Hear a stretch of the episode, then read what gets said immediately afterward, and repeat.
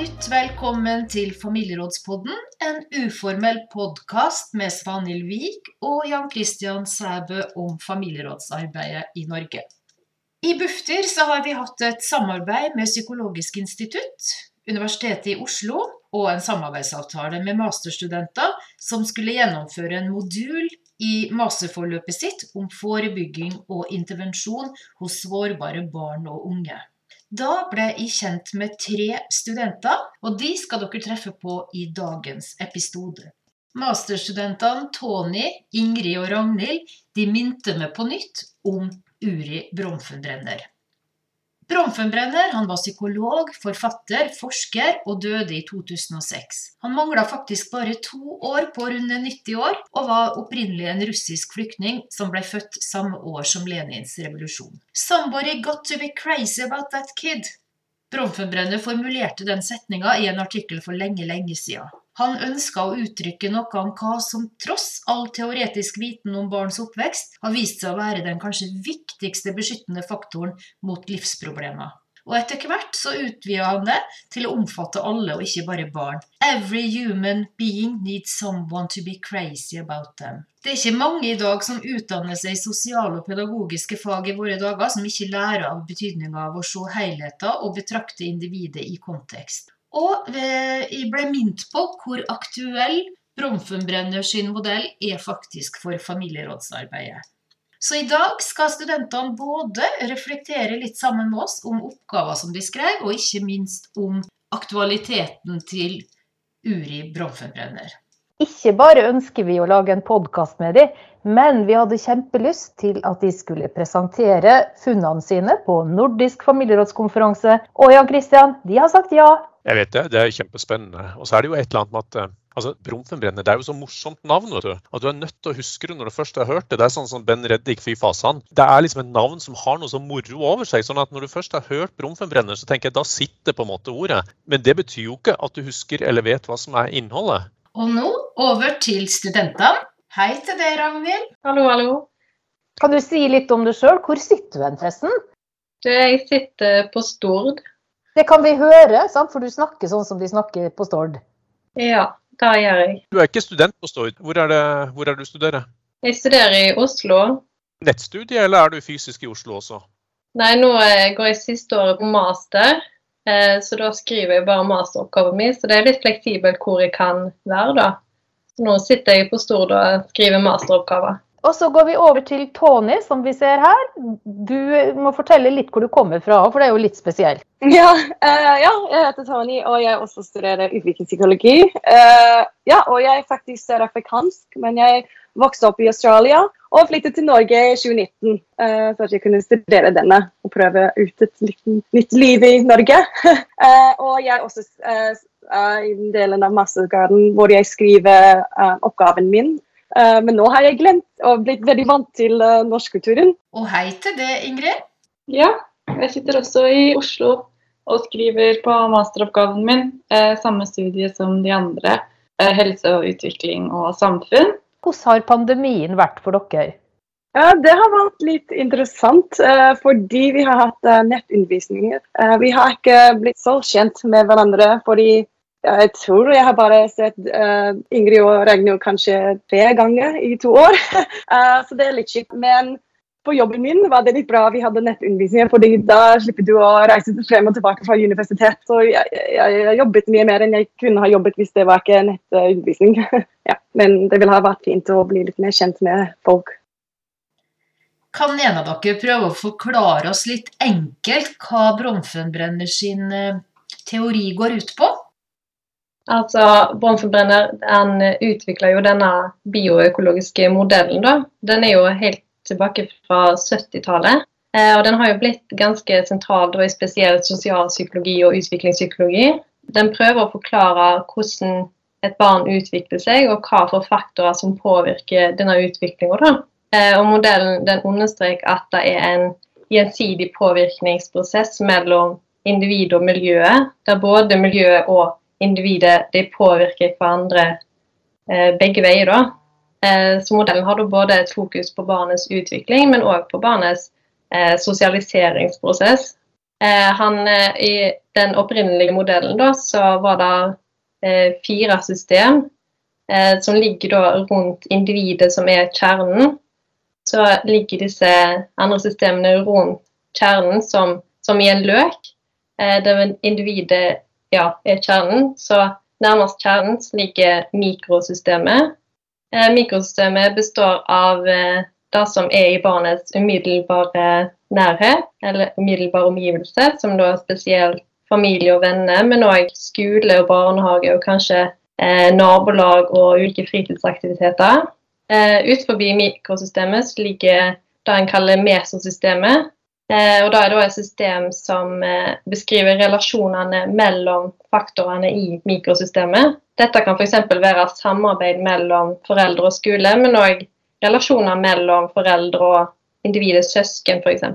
Kan jeg komme med et oppfølgingsspørsmål da? Hvis de tenker på hun Mina i filmen som, eh, som, vi har på familieråd, så bodde jo hun hjemme hos eh, mammaen sin. Og så hadde mammaen og pappaen en ganske dårlig relasjon. Hva vil på en måte være Mina sitt eh, eh mikrosystem her? Eh, mikrosystemet til Mina er da både hennes familie eh, med foreldre, men òg alle de som er rundt hun nesten på hverdagslig basis. da. Skjønner. I den Mina-filmen så ser vi jo at uh, hun kommer på skolen, og så har hun glemt igjen uh, bøkene sine. Så har du en veldig sånn oppmerksom lærer som legger merke til at uh, Mina ikke har med seg bøkene på skolen. ikke sant? Det er samarbeid da mellom man kan si mor og Eh, og læreren, da vil det være typisk sånn mesosystemet? Ja, det vil jeg si er et ganske godt eksempel på relasjonen mellom læreren og foreldre. da. Ja, Et um, annet eksempel som tas inn til familierådet ditt også er um, uh, f.eks. hvis du har foreldrene dine uh, deres um, f.eks. skilles, og så fordi du har en lenemor nå, nå kanskje. Uh, hun sliter å jobbe så mye som hun jobbet før når hun hadde litt mer hjelp. Og så nå sliter hun økonomisk, og det påvirker deg. Det påvirker Kanskje du må flytte eh, hus, f.eks. Og det mesosystemet påvirker mikrosystemet der. Og så kommer vi til det der som vi tidligere mente de kalte eksosystemet, men det var jo eksosystemet. Hva er eksosystemet, og gjerne i relasjon til, til Mina, hvis vi klarer det? Ja, så Eksosystemet der ligger da utenfor mesosystemet igjen. Eh, og det innebærer faktorer som barnet eller Mina da ikke er direkte i kontakt med, men som likevel har en viss påvirkning på Mina. Dette kan f.eks. være media da, eller offentlige personer, som Mina ser på TV f.eks.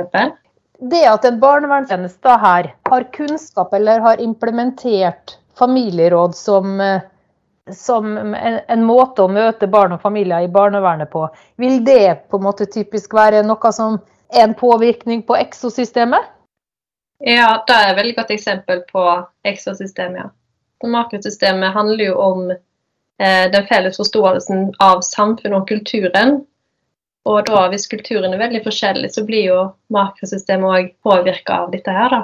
En ting som er litt interessant med barnevernets teori, er at vi må ikke tenke på det som, som forskjellige separate nivåer de, de, det er mye interaksjon me mellom nivåene også. Hva kan vi lære i familierådssammenheng? I hvert fall sånn jeg har oppfattet det, er at uh, den er veldig nyttig å tenke på og kanskje forbedre samhandlingen mellom de forskjellige måte, uh, folkene eller uh, elementene i mikrosystemet. Så på en måte forbedre eksosystemet. Da, på en måte, og forbedre kommunikasjon mellom foreldre og forbedre kommunikasjon mellom barnet og foreldrene, og også mellom foreldre og skole, foreldre og hjelpetjenester og på en måte gjøre eh, den samvirkningen mellom alle rundt barnet mer effektiv, da, og, og, bringe liksom, barnet litt mer aktivt inn i den sammenvirkninga, kanskje. Og Det var jo en ting som slo meg når jeg hørte dere første gang. Det er jo på en måte litt det der at uh, kolleger til foreldre betyr mye for barn. Altså Den litt sånn indirekte påvirkningen at uh, hvis du kommer sur hjem fordi du har krangla med en kollega, så er det klart det betyr noe for barn. og Det er jo litt den samme som vi sier liksom, når, når pappa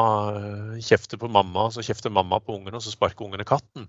Men setter ikke familieråd alle disse systemene sammen? Ja, fordi du må også tenke på eh, det er fordi f.eks. vi bor i Norge, at vi har nok råd og betale folk for å gjøre familieråd og videreforske det og alt. Vi må ikke glemme det.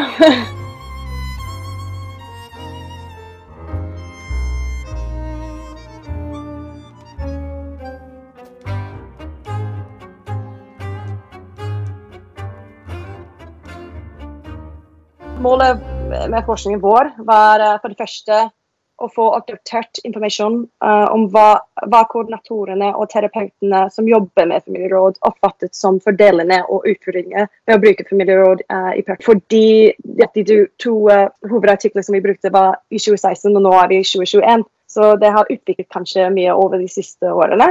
Uh, og uh, For det andre ønsket vi å undersøke om familieråd kan bidra til forebygging av psykiske vansker blant barn og unge. Ja, og Vi kom med dette an, uh, andre forskningsspørsmålet fordi vi ikke kunne finne litteratur om dette konseptet, og spesifikt i norsk sammenheng også. I oppgaver som uh, dere skrev, så var dere jo opptatt av at det både finnes risikofaktorer og beskyttende faktorer for et barn. Men hva har det med bromfenbrenner å gjøre? Ja, altså for eksempel så kan en jo dra inn disse risikofaktorene og beskyttende faktorene i bromfenbrenners modell Spesielt i mikrosystemet med tanke på familieråd. F.eks. etter en skilsmisse eller ved foreldrekonflikt så finner en både risikofaktorer og beskyttende faktorer eh, i barnets eget mikrosystem. Og da Risikofaktorer kan jo være i mesosystemet, som forholdet mellom foreldrene eller forholdet mellom foreldre og barnet. Og beskyttende faktorer kan jo da være det utvidede nettverket og sosial støtte for barnet. Hva tror dere Bromfundbrenner hadde tenkt om familieråd? Jeg tror han ville ha likt det veldig, faktisk. Ja, fordi som Ragnhild sa tidligere, det, det, det, nesten ser ut som Se på den modellen på som diagram. Det er sånn, sikkerhet som går rundt, rundt, rundt, og det er individual som sitter rett i midten der. Så det er nesten det som skjer. Jo, det er det som skjer i familieråd. Men jeg, jeg tror uh, Uri òg ville kanskje si men kanskje den mammaen her skulle hatt sitt eget familieråd, for hun har jo virkelig behov også for ganske mye støtte rundt seg. Ja, og jeg tenker også at Det er viktig å sette lys på det i rundt, da det er interaksjonen mellom både individet og mm. alle instansene rundt. At det er en uh, gjensidig prosess. da. Og Vi har jo noen familieråd der faktisk koordinatorene sier det at uh, det kommer så tydelig frem i forberedelsene at det er noen andre som også har behov for et slags form for Eh, familieråd. Var det noe som overraska dere i arbeidet med familieråd? Alle var så tydelige på at eh, det var så verdifullt for barnet med den støtten. Og det var på en måte, jeg vet ikke, jeg følte det var ganske sånn De snakka om det følelses, den følelsesmessige verdien i det. da, At eh, barnet fikk en opplevelse som var veldig, veldig mye verdt. Eh, og de hadde på en måte både barna som de hadde intervjua og alle de som vi snakka med, sa at det var noe av det beste de visste med familieråd. At det var eh, bare noe som ga eh, veldig mye verdi til barnet selv. Ja, jeg tror den, uh, en som vi intervjuet sa vi er vant til å snakke om barn, men ikke med barn. Så vi spurte jo de om, om de, de, som arbeida med det, da, syntes at de ressursene var verdt utbyttet de fikk fra familierådet, og alle var jo bare sånn ja, liksom helt utropstegn, utropstegn, utropstegn. Så det var uh, veldig, de var veldig sånn, alle var enige om at det var verdt det, i hvert fall. Vi leste oss litt opp, og så vinkler med det mot mer forebygging. da. Og Det syns jeg var veldig interessant, og at vi på en måte fant ut på en måte at det kunne fungere som en forebyggingsmodell. Nå har dere jo hørt og lest om familieråd og fordypa dere i mange ting grundig. Kunne dere sjøl turt å ha et familieråd der dere var hovedperson? Um, jeg vet ikke hvis det er bare fordi jeg er sørafrikansk, men det går helt fint for meg å involvere alle i familien min. Og det er litt som i kulturen min. Alle blir involvert uansett, så jeg er litt vant til å snakke om ganske sånn, kanskje flaue ting eller alvorlige ting med mange mange forskjellige folk i familien min og nettverket mitt. Jeg tror absolutt det har vært interessant å være med på et familieråd iallfall. Ikke kanskje med deg sjøl som hovedperson? Mm, vet ikke. Ja, men jeg tenker det er når den planleggingsfasen er veldig viktig. Det er ikke sånn du må bestemme fordi vi har møte i morgen. Uh, jeg tenker Det er bra at du har kanskje noen uker og bare OK, hvem egentlig vil jeg ha der? kanskje du begynner med en liste med uh, ti personer på det, og så kutter du ned til åtte, f.eks. Vi har jo en ny justisminister på 28 år. Og da tenkte de på dere tre, fordi at de var litt forutinntatt når de hørte alderen på vår nye justisminister. Tenkte, Er det mulig at hun kan gjøre en god jobb? Og så tenkte jeg fort det er klart at det er mulig. Det er andre som har sett kvalitetene i henne, og dette blir kjempespennende. Og så tenker jeg, hvorfor kunne ikke vi hatt en, en enda yngre barne, og familieminister? Så tror jeg den vi har fått nå, kan bli veldig bra. altså. Men jeg tenkte på dere da, og, og tenkte at eh, det er klart at dere studenter har så mye å tilføre. Ja, selvfølgelig var vi litt nervøse når du først sa det. Vi tenkte men uh, er vi utdannet nok å snakke til folk som jobber hver dag med familieråd? Uh, men uh, faktisk det var ganske bra at vi gjorde presentasjonen noen måneder siden. fordi etter det, uh, det var faktisk dere som sa oi, det var bra å få en veldig fresh perspektiv om ting. Fordi hvis du jobber med en ting lenge, du har kanskje mye mer kunnskap enn oss, men vi kan kanskje komme inn fordi vi bare har en teoretisk bakgrunn og se å oh ja, kanskje det er den eller den som vi peker ut, som kanskje hvis du jobber med det hver dag, du ser ikke det. Så ja, vi bare må takke Tusen takk, fordi det er en veldig, veldig bra mulighet. Hva var det morsomste med å lese Brumfenbrenner? Mm, Den som var ganske morsomt, var at jeg hadde ikke tenkt på Brumfenbrenner i kanskje fire år. Fordi vi bare lærte om det jeg tror det var første semester første år, kanskje, i psykologi i bacheloren min. Og så når vi begynte å lese om familieråd, da tenkte vi tilbake sånn Å ja, dette er en bra modell å bruke. Det var litt gøy å se deg igjen. en gammel venn. Ja, det var alt for i dag. Tusen takk til Tony, Ingrid og Ragnhild for at dere minte oss om en gammel venn, og for at dere har sagt ja til å presentere på den nordiske familierådskonferansen i november. Lykke til! Vi heier på dere!